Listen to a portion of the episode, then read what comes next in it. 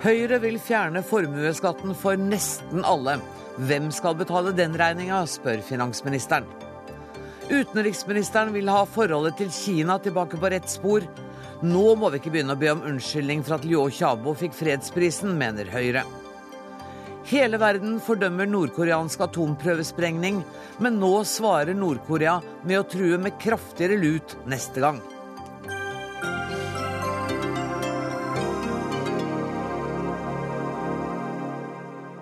Det er Dagsnytt 18, hvor det også brygger opp til barnehagekrangel mellom Arbeiderpartiet og Høyre. Men uh, først. Høyre vil at bare bedrifter og personer med mer enn 20-25 millioner i formue skal måtte betale formuesskatt. Det vil si at opp mot 99% av dem som i dag betaler den skatten, vil slippe. Og nestleder i Høyre, Jan Tore Sanner, dere holdt en pressekonferanse i dag om skattepolitikken. Hvorfor mener dere at bare 1% av dem som i dag betaler formuesskatt, fortsatt skal gjøre det?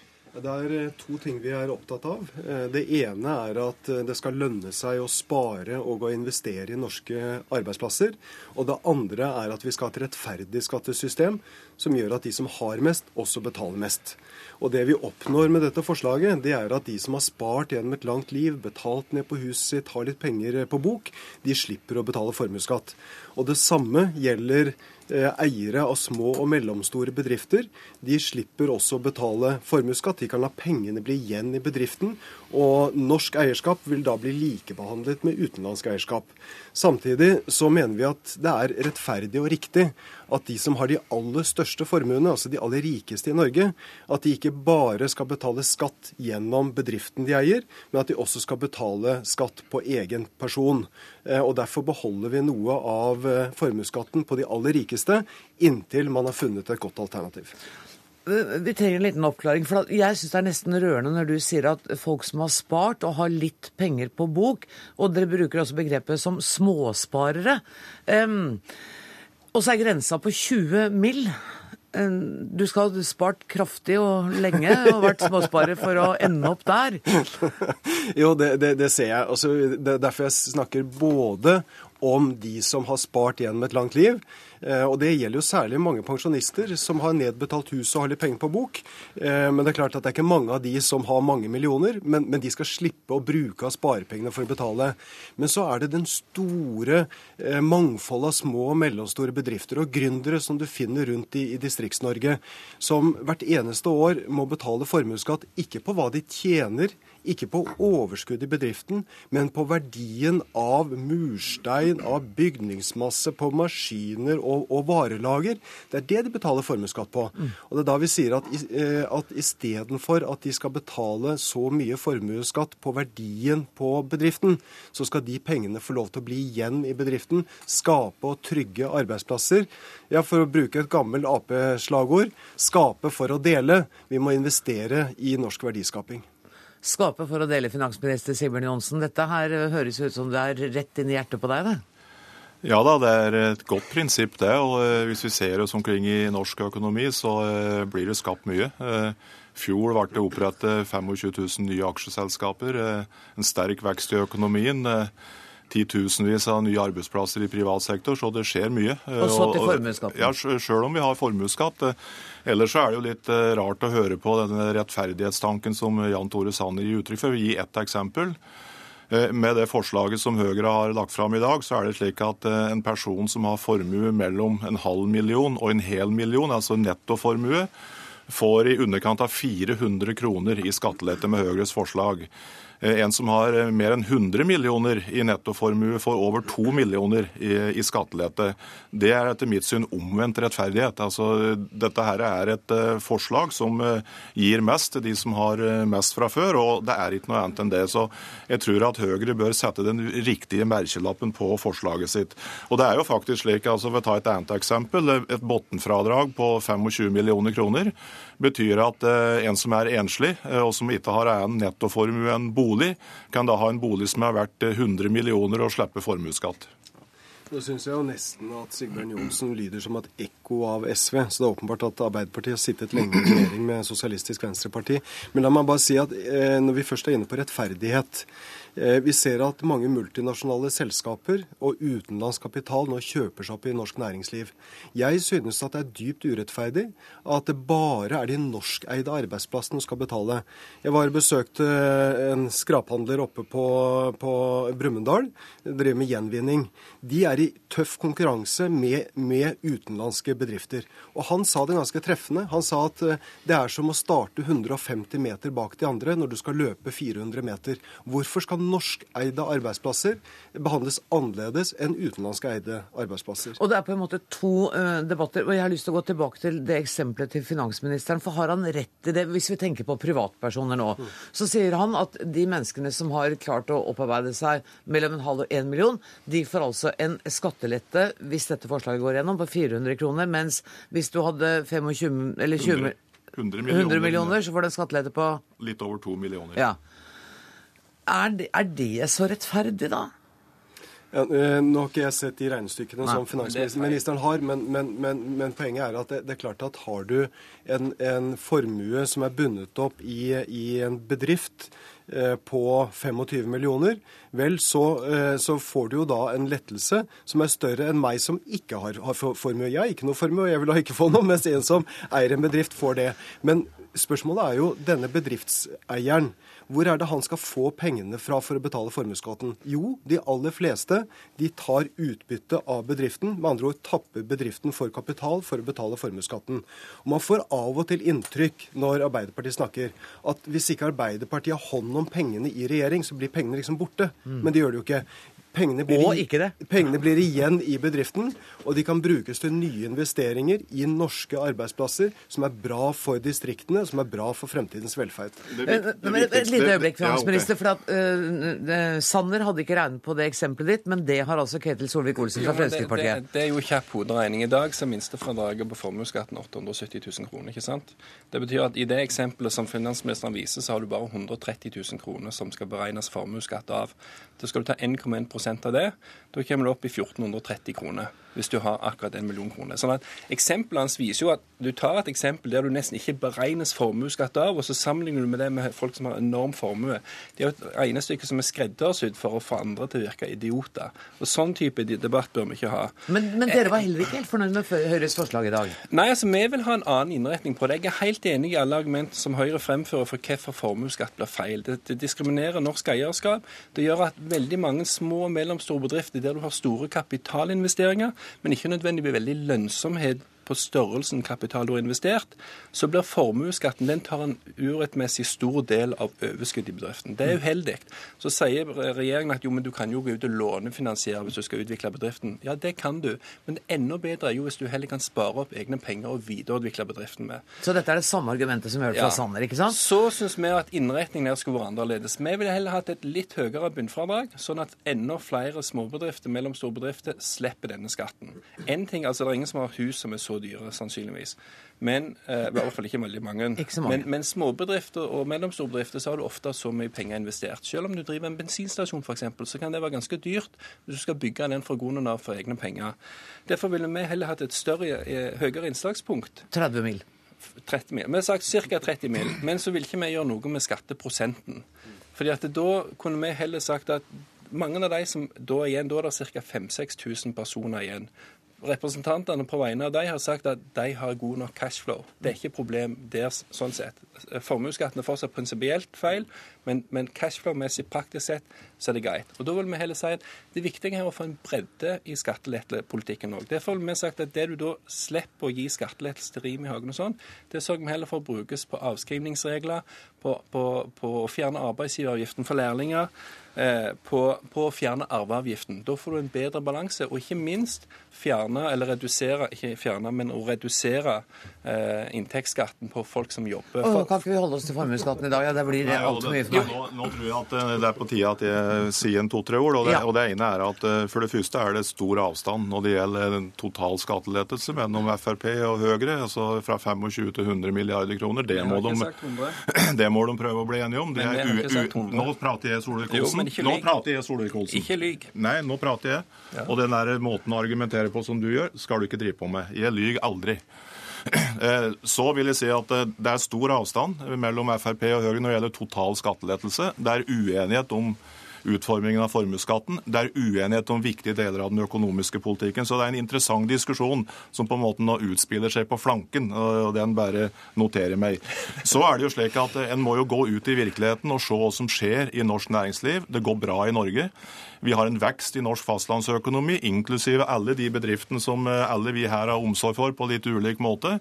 En vekst som er ulike mye høyere enn i mange land som ikke har formuesskatt. Og så er det jo slik at er, formuesskatten er for så vidt viktig i diskusjonen, men det er det totale rammevilkår for bedriften som avgjør eh, hva slags eh, muligheter det er for å produsere og skape i Norge.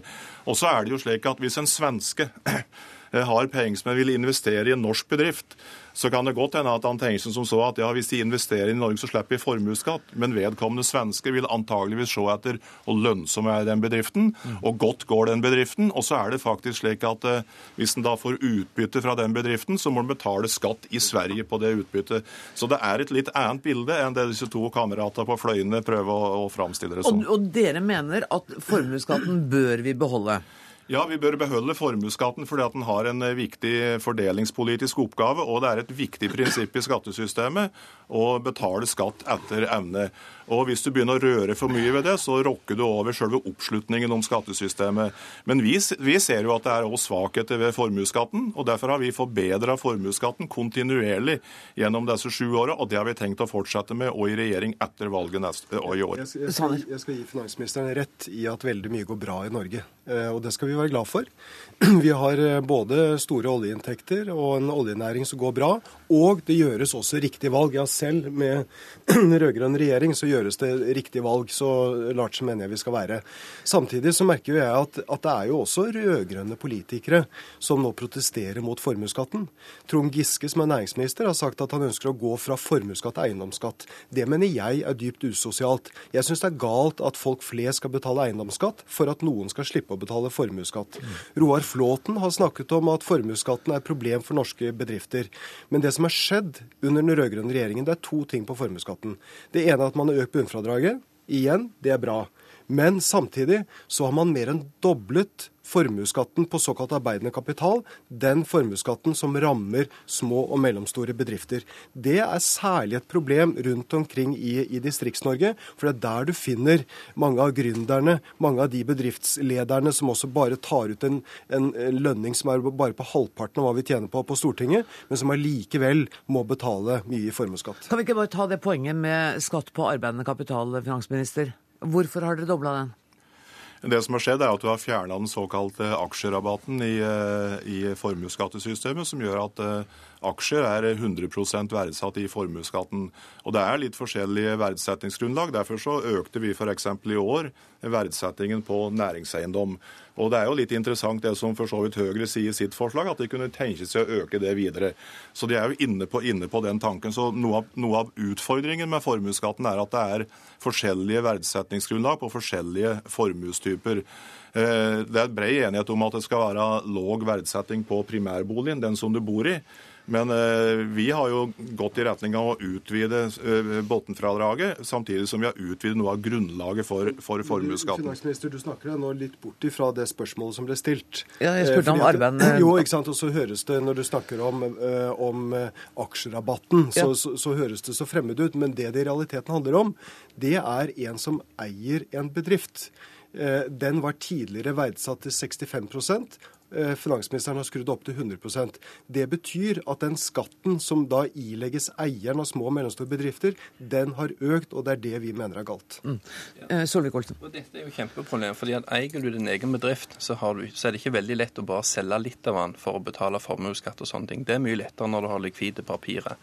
Og så syns jeg at eh, om, om, du ikke lyver, så forholder du deg veldig uklart til sannheten, for å si det sånn. Var litt mer parlamentarisk. fordi at det regnestykket du brukte, det var jo veldig eh, for å forvirre folk.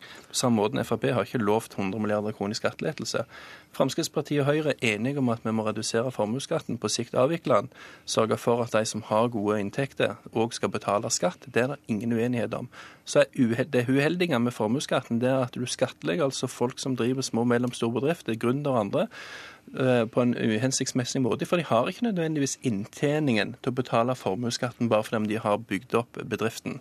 Og Det innrømmer jo du, det innrømmer Trond Giske, det innrømmer Jens Stoltenberg, det innrømmer Roar Flåten. Men dere har altså sittet i åtte år nå og gjort småflikking underveis og dobla inntekten fra formuesskatten. Dere innrømmer et problem, og dere forsterker problemet med å gjøre dette. Vi har halvert, vi har halvert antallet som betaler formuesskatt i forhold til det som var tilfellet i, i, i 2005. Ja. Jo, dere har halvert antall, men firedobla gjennomsnittsbetalingen for de som er igjen. Det er 650 000 som nå i snitt betaler fire ganger mer enn de gjorde når dere overtok. Det er folk som driver bedrifter, som da får en høyere skattlegging enn det de hadde før.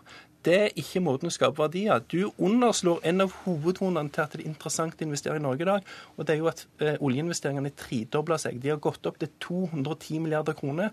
Det er jo litt av det som går på todelingen i norsk økonomi, som alle er bekymra over. Og som gjør at formuesskatten her blir et eh, problem for alle de som prøver å etablere seg utenfor oljeindustrien. Vi nærmer oss brått slutten på dette med frans... Ja, og på tross av det Ketil Solvik-Olsen nå sier, så er Norge en av de økonomier i Europa der det går aller best, der det startes mange nye bedrifter bedrifter hver eneste dag. Eh, og, og, der, og, der, det er gode rammevilkår både for å være gründer og produsere i små og mellomstore bedrifter. Det er sannheten. Og olje. Og jeg er helt sikker på at de av, de av lytterne som har lyst til å høre enda mer om debatten om formuesskatt, får sjansen bl.a. her i NRK utover kvelden. Tusen takk for at dere kom, Jan Tore Sanne fra Høyre, Sigbjørn Johnsen, eh, finansminister, og Ketil Solvik-Olsen fra Fremskrittspartiet. Inn i studio kommer Magnus Takvam. Ja, det var vanskelig dette er. Ja, det er uh, mye tall. Det er helt åpenbart. Hvem vinner på dette forslaget? Hvis du spør helt konkret hvilke personer i Norge som tjener på dette, så, så sier Finansdepartementets statistikk at det er over en halv million personer i Norge som har en, neg, en, en netto eh, formue på mellom 1 million og 5 millioner kroner. Altså en halv million mennesker i Norge har mellom 1 og 5 millioner kroner i formue. De slipper da formuesskatt, men de betaler da heller ikke mer enn i gjennomsnitt 9000 kroner i året i formuesskatt. Så det er klart at de 40 50 60 000 som da virkelig er, er, er eh, veldig velstående og rike over dette nivået, de tjener eh, desto mer på på å, å fjerne formuesskatten. Så for deg og meg og for de aller fleste i Norge så har dette ingen praktisk betydning? Nei, For dem som uh, ikke har en formue som er over uh, ja, 870 000 som en enkeltperson, og det doble som ektepar, uh, de betaler i dag ikke, ikke formuesskatt. Men det er, som vi har vært inne på, en 700 000 personer i Norge i dag som er i formuesposisjon. Den norske middelklassen er jo ganske velstående. Hvordan, nå hørte vi at Det er jo en uenighet også mellom Høyre og Fremskrittspartiet på innretningen av, av forslaget. Fremskrittspartiet vil ha et høyere uh, bunnfradrag, men vil ikke gjøre noe med skatteprosenten. Er dette bare kosmetikk? Er de egentlig enige?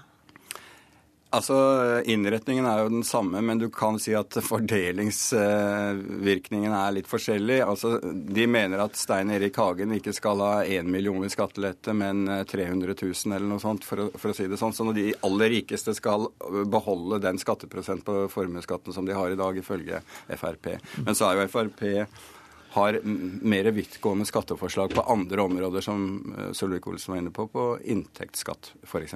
Men vil det være, hvis det nå blir et regjeringsskifte til høsten, vil det være realistisk å få gjennomført disse endringene i løpet av en fireårsperiode, eller er dette valgløfter? Altså, eh, Hvis det blir en borgerlig regjering av en eller annen type, så tror jeg ikke Så vil det være mulig for dem å bli enige isolert sett om en eller annen lettelse av formuesskatten. KrF har riktignok en modell som er mer eh, smal, som bare vil ha det på arbeidende kapital, altså kapital i bedriftene.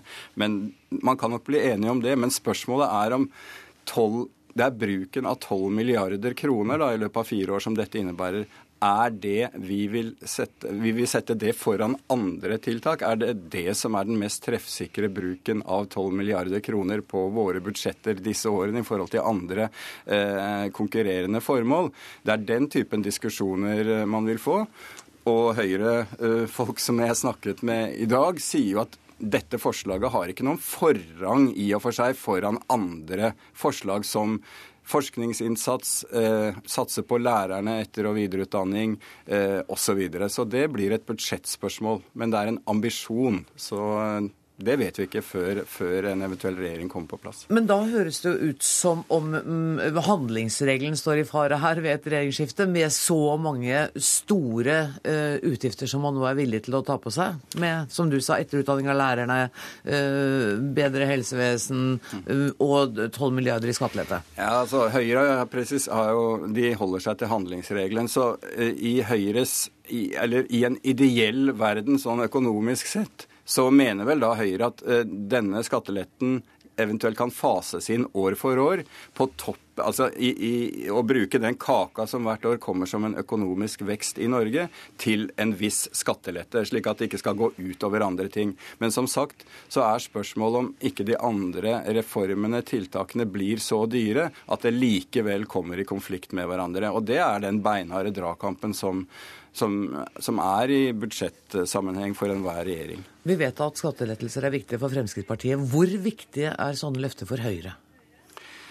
Eh, det er viktig for Høyre å være et næringslivsvennlig parti. Er, og Derfor er det det de først og fremst argumenterer med i denne saken, nemlig at hensikten med å fjerne formuesskatten slik de nå foreslår, er å skape nye arbeidsplasser. Gründere, småbedrifter i distriktene osv. Det er virkningen av skatteletten som er poenget. og Derfor så har jo også hele debatten omkring fordelingsvirkningen og dette med nullskattytere som en konsekvens av dette vært eh, kinkig for Høyre. og Derfor har de jo også for så vidt nøyet seg med en midlertidig ordning som da ikke skjermer de superrike. For det ville vært et uh, politisk problem hvis også de plutselig skulle kunne bli nullskattytere. Tusen takk for at du kom i studio, Magnus Takam, politisk kommentator her i NRK.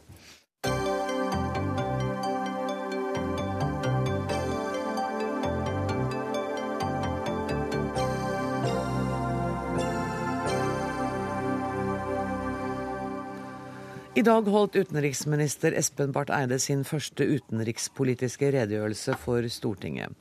Et av mange viktige temaer var forflytningen av makt i verden. Vestens makt ser ut til å kunne bli mindre de neste årene, mens den vil øke i land som Asia, Latin-Amerika og også i Afrika.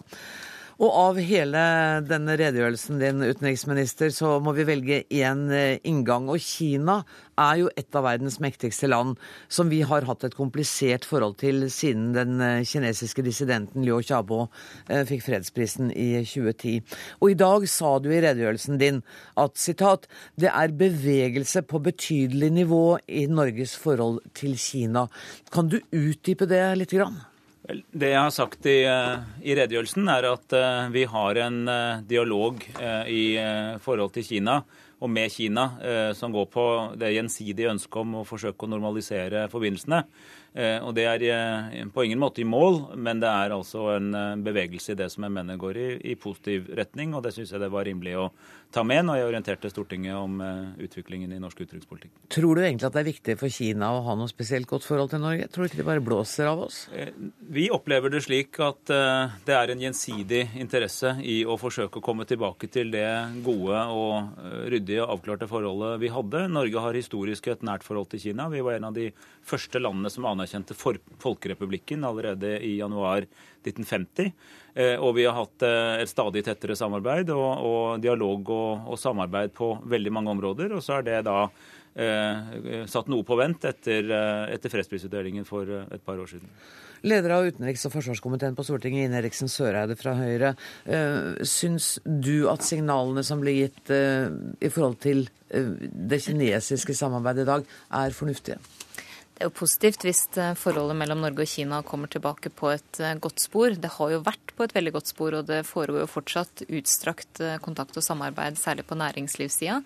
Men selvfølgelig merker også norsk næringsliv at det er hindringer, og det, det merkes ganske kraftig i enkelte næringer.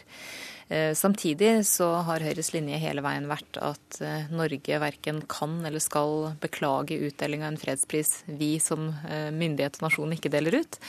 Eh, og samtidig så har vi et sett med verdier hvor de grunnleggende menneskerettighetene er en sentral del, og de møter vi ethvert land med. Men innenfor de rammene så er det åpenbart at regjeringa må ha frihet til å ha en dialog med ulike land, men de to parametrene i forholdet til Kina nå må ligge helt fast. Tror jeg utenriksministeren kanskje ja, ikke er helt uenig? Vi fullstendig enig, og det er egentlig veldig eh, godt å vite at det er bred enighet om den eh, tilnærmingen der. Det er eh, ikke snakk om å kompromisse på grunnleggende prinsipper som jeg tror vi står bredt sammen om i Norge. Da har vi avklart det. Ine Eriksen Søreide, Myanmar var et annet stikkord, og hvor du ikke var helt fornøyd med utenriksministeren. Hvilke krav burde han ha stilt til et eventuelt tettere samarbeid med Myanmar?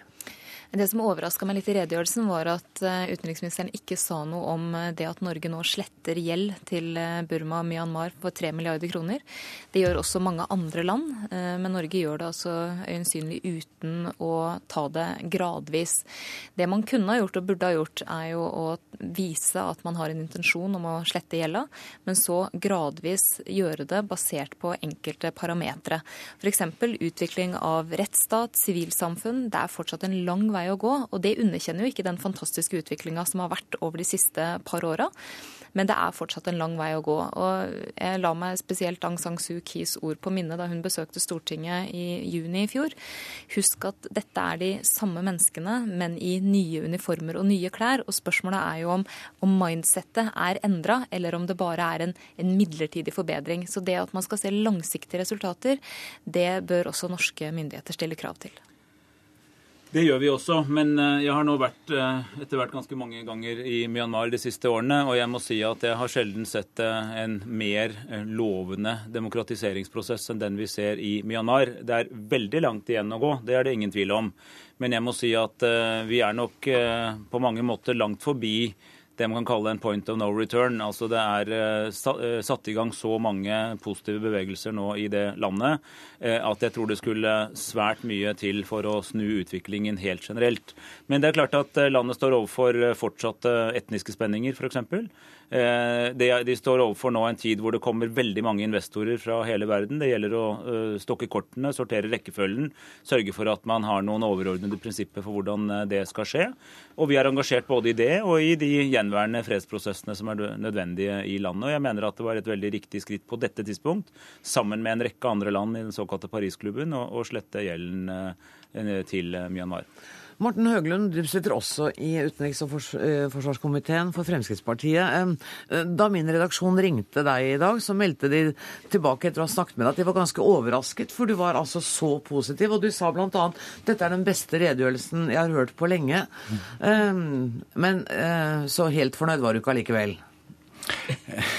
Det er selvfølgelig ting å ta tak i, men hvorfor jeg startet med det, var for hele vinklingen i redegjørelsen var norske interesser, et utgangspunkt på hvordan vi skal posisjonere oss i verden for å ivareta våre utfordringer. Det var en rød tråd gjennom redegjørelsen. Norske næringsinteresser ble vektlagt særskilt. Det er noe vi har etterlyst over lang tid. Norske energiinteresser, maritime interesser osv. Det skal fylles med innhold, det han kom med. Team Norway snakket han om. Økonomisk diplomati. Det å innrette utenrikstjenesten på å møte norsk næringslivs behov der ute. Men det var veldig bra å høre det såpass kraftfullt fra utenriksministeren. Så jeg, der jeg følte det manglet noe, mm. det var når han snakker om verdier, kampen mot terror. Så tar han ikke med seg noe av det som er den store utfordringen, nemlig stater og land som står bak direkte støtter og bygger opp under ekstremisme, antisemittisme og negative holdninger, som Iran, som Sudan og andre stater. Det å stå opp mot den type ekstremisme vi ser derfra, det var ikke nevnt med ett ord fra utenriksministeren, og det etterlyste jeg i en såpass lang redegjørelse. Utenriksminister. Ja, For det første så er det helt riktig som Høglund sier at gjennomgående At det var bra? Ja, det var eh, helt riktig. Men eh, det jeg tenkte å si, var at eh, det, det at det la stor vekt på økonomisk diplomati, næringsfremme og det initiativet som nærings- og handelsministeren og jeg har tatt sammen om å styrke hele det norske virkemiddelapparatet. Ikke minst fordi at vi nå ser at med den økonomiske utviklingen som programlederen begynte med, altså en verden som blir mindre vestlig, så blir det faktisk mer behov for eh, ikke minst eh, Utenriksdepartementets tjenester når norsk næringsliv etablerer seg i land lenger vekk, både i geografisk og kulturell og politisk forstand. Så snakket jeg mye om antisemittisme og ekstremisme eh, i min tale. Det er riktig at jeg ikke nevnte enkeltland, men jeg er enig i det Høglund her sier. Det kan jeg godt legge til. At i tillegg til å bekymre oss for bevegelser for fremveksten av mer mer hat, mer fiendskap, mer undertrykking av eh, minoriteter, så er det også viktig å eh, nevne de landene som eh, står bak det. Da la jeg vekt på vårt arbeid overfor minoriteter og menneskerettigheter i Midtøsten. Men jeg la også vekt på at vi nå i Europa ser fremveksten av nye typer for ekstrem nasjonalisme, herunder høyreekstremisme, som jeg mener vi må ta på stort alvor, og at finanskrisen ser ut til å utløse enkelte trender også på vårt eget kontinent som gir litt ubehagelige overtoner av 30-tallet. Eh, Eriksen Søreide.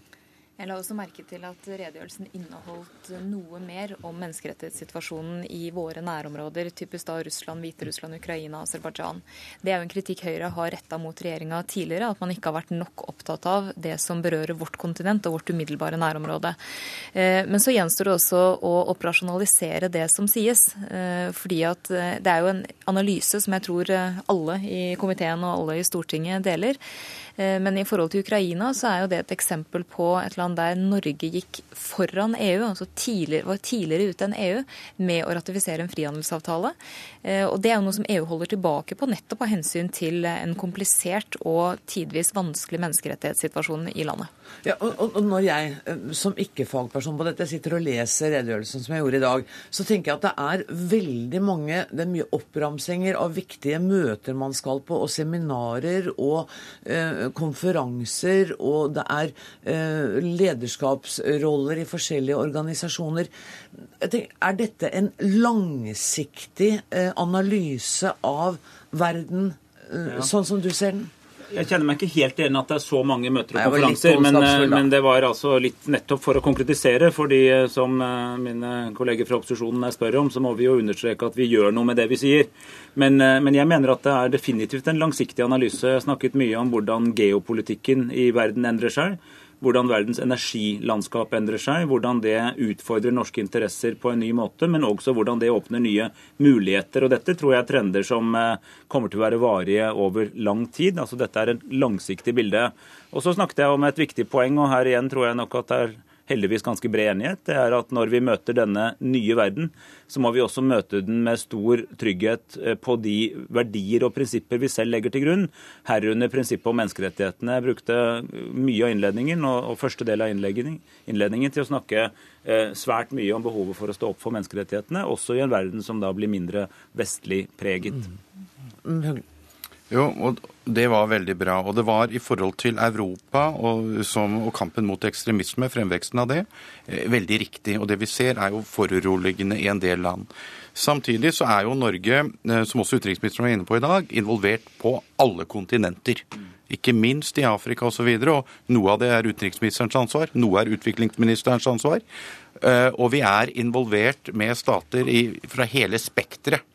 Det jeg savner, også i dag i en utenrikspolitisk redegjørelse, hvor utenriksministeren også favner over Afrika, det er å ta eh, et oppgjør med eh, stater og systemer som ikke På den ene side så skal vi bruke penger på å kjempe mot ekstremisme. Helt riktig homofobi i Europa. På den annen side så bruker vi penger til å understøtte styresystemer i andre land som nærmest aksepterer og tolererer den form for aktivitet. Det henger ikke sammen. Å få en helhet i dette, det blir en oppgave for utenriksministeren. kan du svare kort? Ja, det vil jeg gjerne. fordi at uh, Min kollega Heikki Holmås har jo nettopp annonsert at man vil legge mye mer vekt i, også i utviklingspolitikken på bl.a. demokrati og menneskerettigheter. Og at han nå er i gang med å vri pengestrømmene nettopp for å ta høy, mer høyde for akkurat det. Så jeg er enig i den etterlysningen, men jeg mener at det også er noe vi arbeider med. Og så slo jeg fast at uh, det faktisk er slik at 11 av de landene som vokser fortest, 11 av de 20 landene som vokser raskest, er afrikanske land, og at flere og flere afrikanske land nå faktisk har demokratiske valg, og at vi ser en fremgang når det gjelder styresett i en rekke afrikanske land. og Da ønsker vi å støtte opp om det, på bekostning av de som ikke går den veien. Det er en slags rørende enighet i grove trekk om norsk utenrikspolitikk. Jeg sier tusen takk til Ine Eriksen Søreide og til Morten Høglund, og så ber jeg deg, utenriksminister, bli sittende.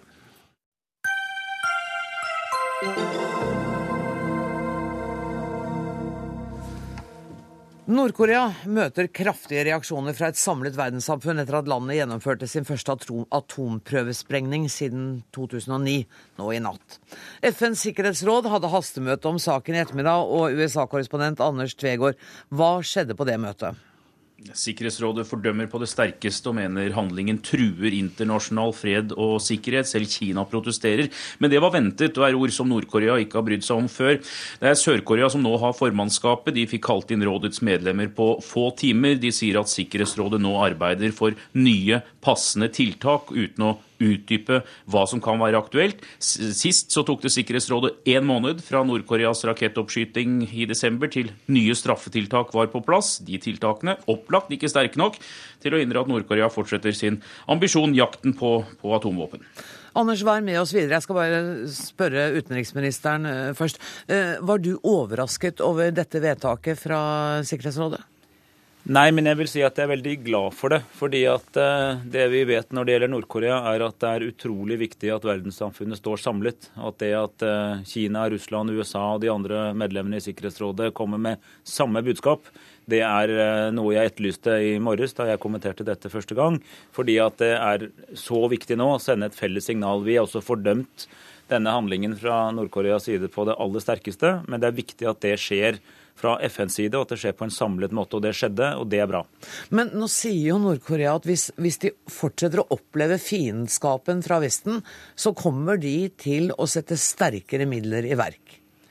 Ja, det er jo en kjent nordkoreansk retorikk, men eh, jeg vet ikke når Kina ble med i Vesten. Eh, eller Russland, Denne uttalelsen kom før så, dette møtet. Så det er jo nettopp derfor det er så viktig å understreke at her må et verdenssamfunn stå, eh, stå samlet mot det vi nå ser i, i Nord-Korea.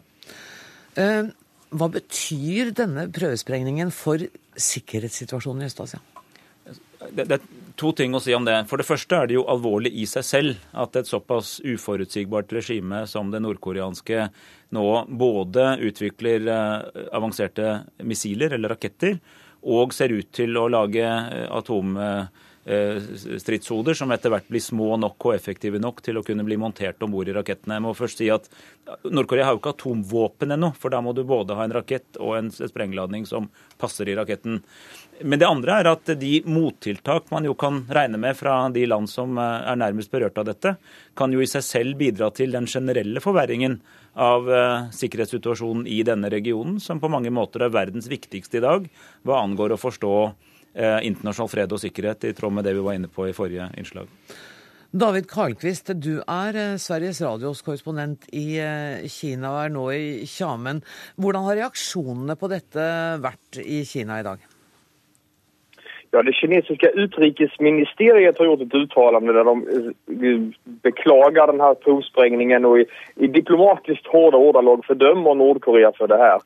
Og I uttalandet sto det også at Kina vil arbeide for fred og stabilitet og sikkerhet på, på den koreanske halvøen og eh, for å minske spredningen av kjernevåpen. Så det var ganske tyd, en tydelig markering gentemot Nord-Korea. Og det har jo ikke Kina gjort eh, så tydelig tidligere. Nei, förvisso ikke, men mange i Pekings lederskap har vissa tecken på tröttnat på hva de betrakter som et altfor aggressivt Nordkorea. Kina ställde seg till exempel bakom FN-resolusjonen resolutionen i FNs säkerhetsråd förra måneden som fördömde Nordkoreas Eh, missiltest i december, även om Kina enligt uppgift tryckte på för att eh, resolutionen inte skulle vara så hård som till exempel USA ville den skulle vara. Men, men man kan ändå konstatera att en trend är att Kina verkar bli allt mer irriterat över Nordkorea. Eh, Nord-Korea, altså Det har jo vært samtaler mellom Kina og Nord-Korea. Nord-Korea må da ha visst at Kina ikke ville sitte stille og godta dette?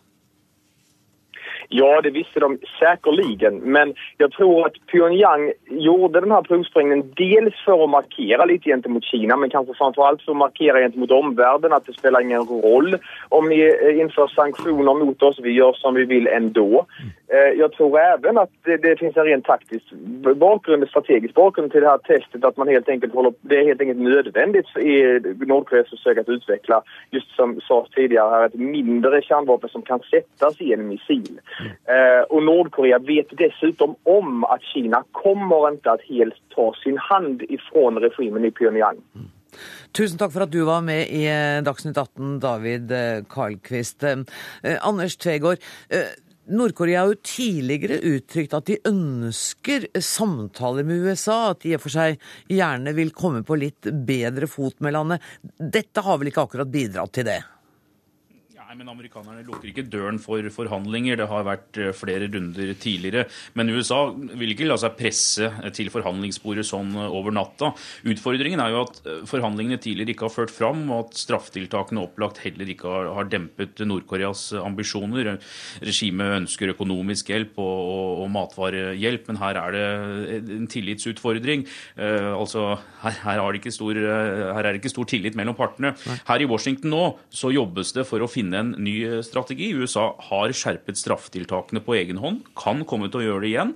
Da med å sette flere internasjonale selskaper som handler med Nord-Korea på en svarteliste, forsøke å få til et strengere inspeksjonsregime på frakt til Nord-Korea, utvide reiseforbud, fryse bankkonti, lista er lang. Så, men, men så lenge Beijing ikke blir med på å stramme til, eller her ser man også mot Kina og, og, og lurer på hvor, hvor, langt de er villige til å gå. Men forsvarsministeren i USA sa jo i dag at eh, Nord-Korea er en alvorlig trussel mot USA, og at Washington må være forberedt på å håndtere det. Hva ligger ja, i det? det det, det er, Nord-Korea er, er, en alvorlig trussel, og presidenten har også sagt at dette er en høyst provoserende handling. Man håper her i USA at det skal komme raske og, og troverdige tiltak. Eh, det, det, som ligger i, i forsvarsministerens uttalelse, er at USA kommer til å gjøre det som er nødvendig for å forsvare seg og, og sine allierte i, i, regionen. Og det tok ikke lang tid før Det hvite hus eh, kom med denne erklæringen etter prøvesprengningen eh, skjedde i natt. Uh, utenriksminister Espen Barth Eide, er, nå sier de i USA at det er en alvorlig trussel mot USA. Er dette en alvorlig trussel mot ikke bare USA, men hele uh, verden? Ja, jeg mener at dette er en trussel mot internasjonal fred og sikkerhet. Det er klart at uh, Rent umiddelbart så er det jo en trussel mot land i nærheten, ikke minst USAs nære allierte Sør-Korea og Japan, hvor det for øvrig også er amerikanske baser. Så det er jo ikke noe rart at uh, amerikanerne uttaler seg på den måten. Men det er altså både det at uh, vi ser ut til å få en ny reell atomvåpenmakt med faktisk atomvåpen, og det at dette skjer i en region hvor vi vet at det er en rekke andre spenninger. Fordi at med en økende investering i missilskjold og andre forsvarstiltak, kan jo, eller i verste fall om flere land pga. Nord-Korea skulle ønske seg å skaffe atomvåpen selv, så kan jo det bidra til et våpenkappløp også mellom andre land enn Nord-Korea. Så det er hele denne dynamikken i, i det østasiatiske området som vi nå må følge veldig nøye.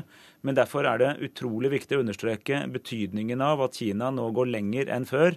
Både i den uttalelsen som de var med på om rakettoppskyting 12.12. i fjor, og det de har sagt nå, at altså Kina i større grad er med på det samme laget internasjonalt i å sette, forsøke å sette en stopper for det.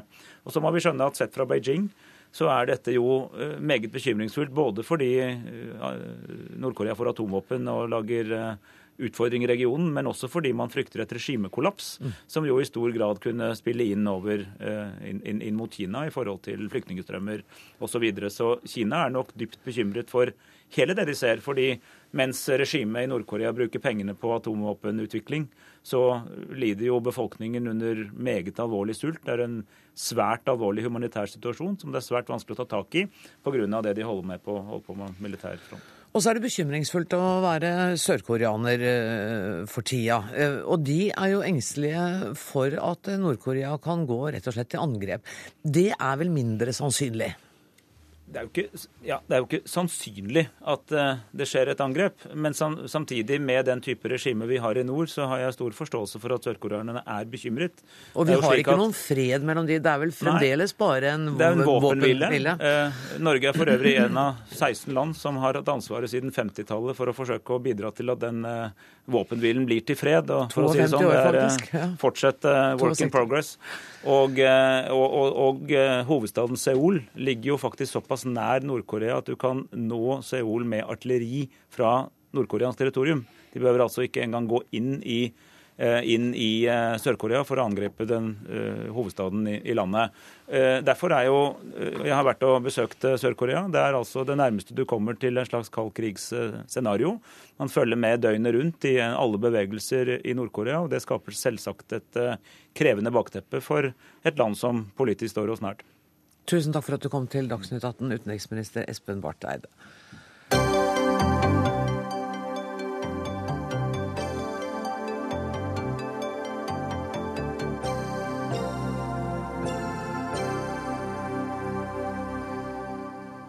Vi skal eh, hjem igjen, som man pleide å si i Dagsrevyen i gamle dager. Det er 209 dager igjen til valget, og allerede, allerede, er politikerne, som vi har hørt, godt i gang med valgkampen.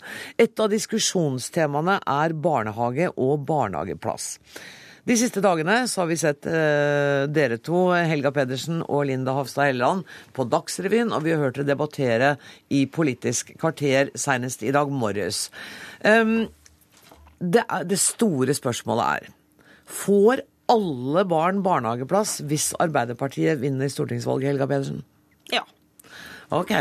Da går vi rett til deg, Linda Hofstad Helleland. Får alle barn barnehageplass hvis det skulle bli regjeringsskifte? Ja. Eh, og så må jeg si at Og der kom det eh, et men. Nei. Eh, jeg vil si at Helga Pedersen og Arbeiderpartiet har lovt full barnehagedekning nå i åtte år. I statsbudsjettet så sier de at det er full barnehagedekning. Um, og i programmet som legges fram i dag, så sier de at når vi får full barnehagedekning For nå skal de fjerne kontantstøtten. Da blir det flere som har behov for barnehageplass. Og så har de jo en egen definisjon av barnehagedekning, de. Fordi at de har lovt alle ettåringer barnehageplass. Men de diskriminerer jo unger født etter 1.9. Og det er ikke alle foreldre som er like gode på familieplanlegging. sånn at det fødes fortsatt barn i Norge mellom 1. september og 31. desember. Og der har Linda Hofstad Helleland eh, brakt oss rett inn i det som er sakens kjerne. For det er jo et kjempeproblem for nybakte foreldre som har fått unger etter 1.9. Mange av dem får jo heldigvis plass, men de har ikke en lovfesta rett til det. Og mange må dessverre eh, vente eh, til eh, ett år etter 1.9., eller til opptaket året eh, etterpå. Og vi ønsker å utvide retten til barnehageplass også for de ungene som er født etter 1.9. Og i neste stortingsperiode så ønsker vi å innføre to opptak, sånn at flere får plass raskere. Men går det ikke an å bare si at når ungen er et år, så skal han i barnehage?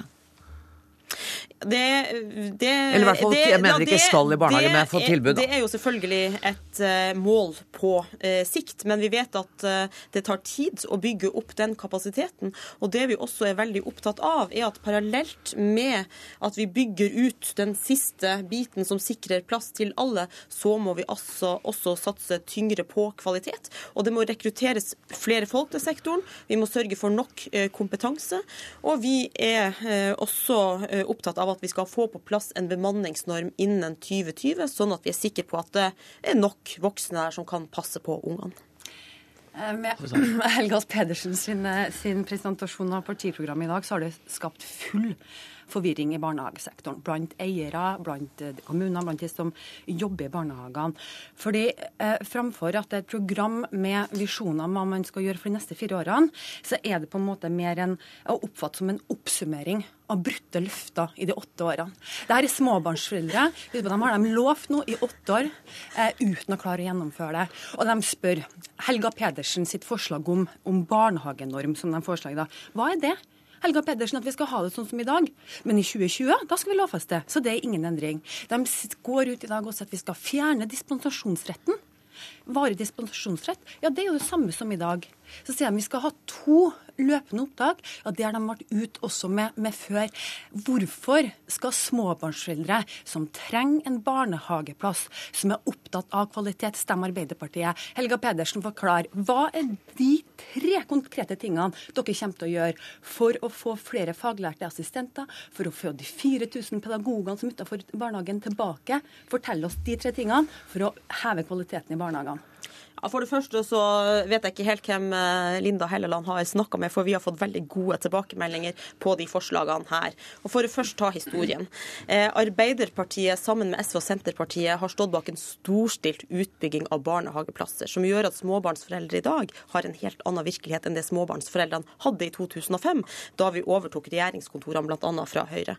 Vi har innført en lovfesta rett til barnehageplass for ettåringene. Det var Høyre imot. Vi har innført makspris for foreldrebetaling. Det var Høyre også imot. Så nå skal vi ta to steg videre. Det ene er altså ikke to løpende opptak, men to eh, opptak. Det er vi villige til å finansiere. Så skal vi samtidig rekruttere, etter- og videreutdanne og fastsette norm innen 2020. Det er i tråd med det Øie-utvalget har foreslått, der mange av landets fremste hoder på det her har foreslått en lovgivning for årene fremover. Der fikk du vel et svar. Nei, det her er ikke et svar. Det er sånn som det er i dag. Eh, og jeg vet ikke med hvordan eh, kontakten på barnehagefeltet utenfor Arbeiderpartiet sin stortingsgruppe, men i Høyre så har vi fått mange telefoner i dag der de lurer på hva i all verden den normen her innebærer. Og vi har prøvd å få svar fra Arbeiderpartiet. Eh, det er Hva også litt vanskelig. om? Nei, for de sier jo ingenting. Er det norm for barnehagegruppene? Skal det gjelde hele dagen? Skal det gjelde hele barnehagen? Det er vanskelig å svare på. Men det som bekymrer meg, og som jeg tror bekymrer småbarnsforeldre, det er jo at det har jo kommet så mange forslag Ja. når det nærmer seg valg. Eh, La meg, la meg eh, si fra. Det er så mange forslag Arbeiderpartiet alltid har når det kommer før valg. Hvorfor stemmer de f.eks. nå da, for inneværende år imot ekstra eh, midler. 150 millioner kroner legger Høyre på bordet for å få flere pedagoger i barnehagen, for å utdanne assistentene som jobber der. Sånn at vi får trygge og stabile, kompetente ansatte voksne. Det er vi foreldre opptatt av. Hvorfor stemmer Arbeiderpartiet mot det? Svar kort på det, Helga Pettersen, så skal vi gå tilbake til det vi skulle de snakke om. fleste foreldre vil føle seg mer betrygga av at vi ønsker å innføre en bemanningsnorm som eh, sikrer den standarden som har vært opparbeida i barnehagene, fremfor Høyre sin politikk i Oslo. der de faktisk 2020, det er etter neste stortingsfallprogram. Få lov til å snakke ferdig. Du skal få lov til det. Ja, takk. Eh, Høyre har altså i Oslo eh, sagt opp en bemanningsnorm som har ligget der siden 1980-tallet. Når vi foreslår en bemanningsnorm innen 2020, så er det altså i tråd med det det offentlige nedsatte Øie-utvalget foreslo. Altså tre voksne per barn Nei, hvordan var det? tre Under tre år, og Assistenter så eller pedagoger? Men hvis jeg kan få lov til å svare. Jeg må bare oppklare det, for det er ikke sikkert alle vet hva normen vi, er. Vi skal ta utgangspunkt i det som har vært standarden i norske barnehager frem til i dag. Det er ikke riktig, da Pedersen, at det er sånn vi- i dag. Hvis jeg kan få lov til å snakke Hysj ferdig. på deg, og nå kan vi få snakke ferdig.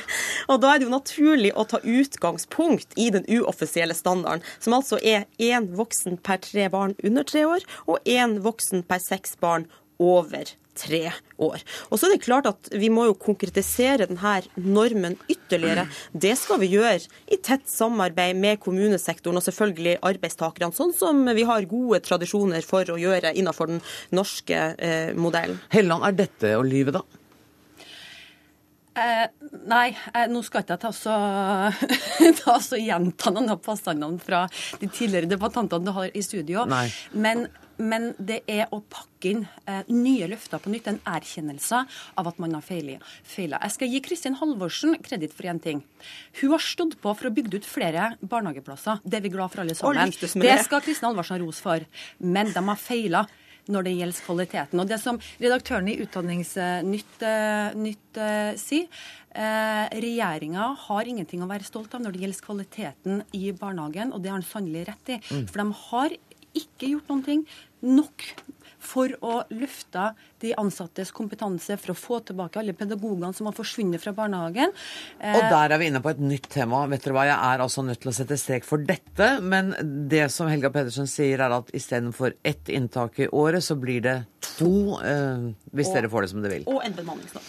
Tusen takk for at dere kom, Helga Pedersen fra Arbeiderpartiet og Linda Hofstad Helleland fra Høyre.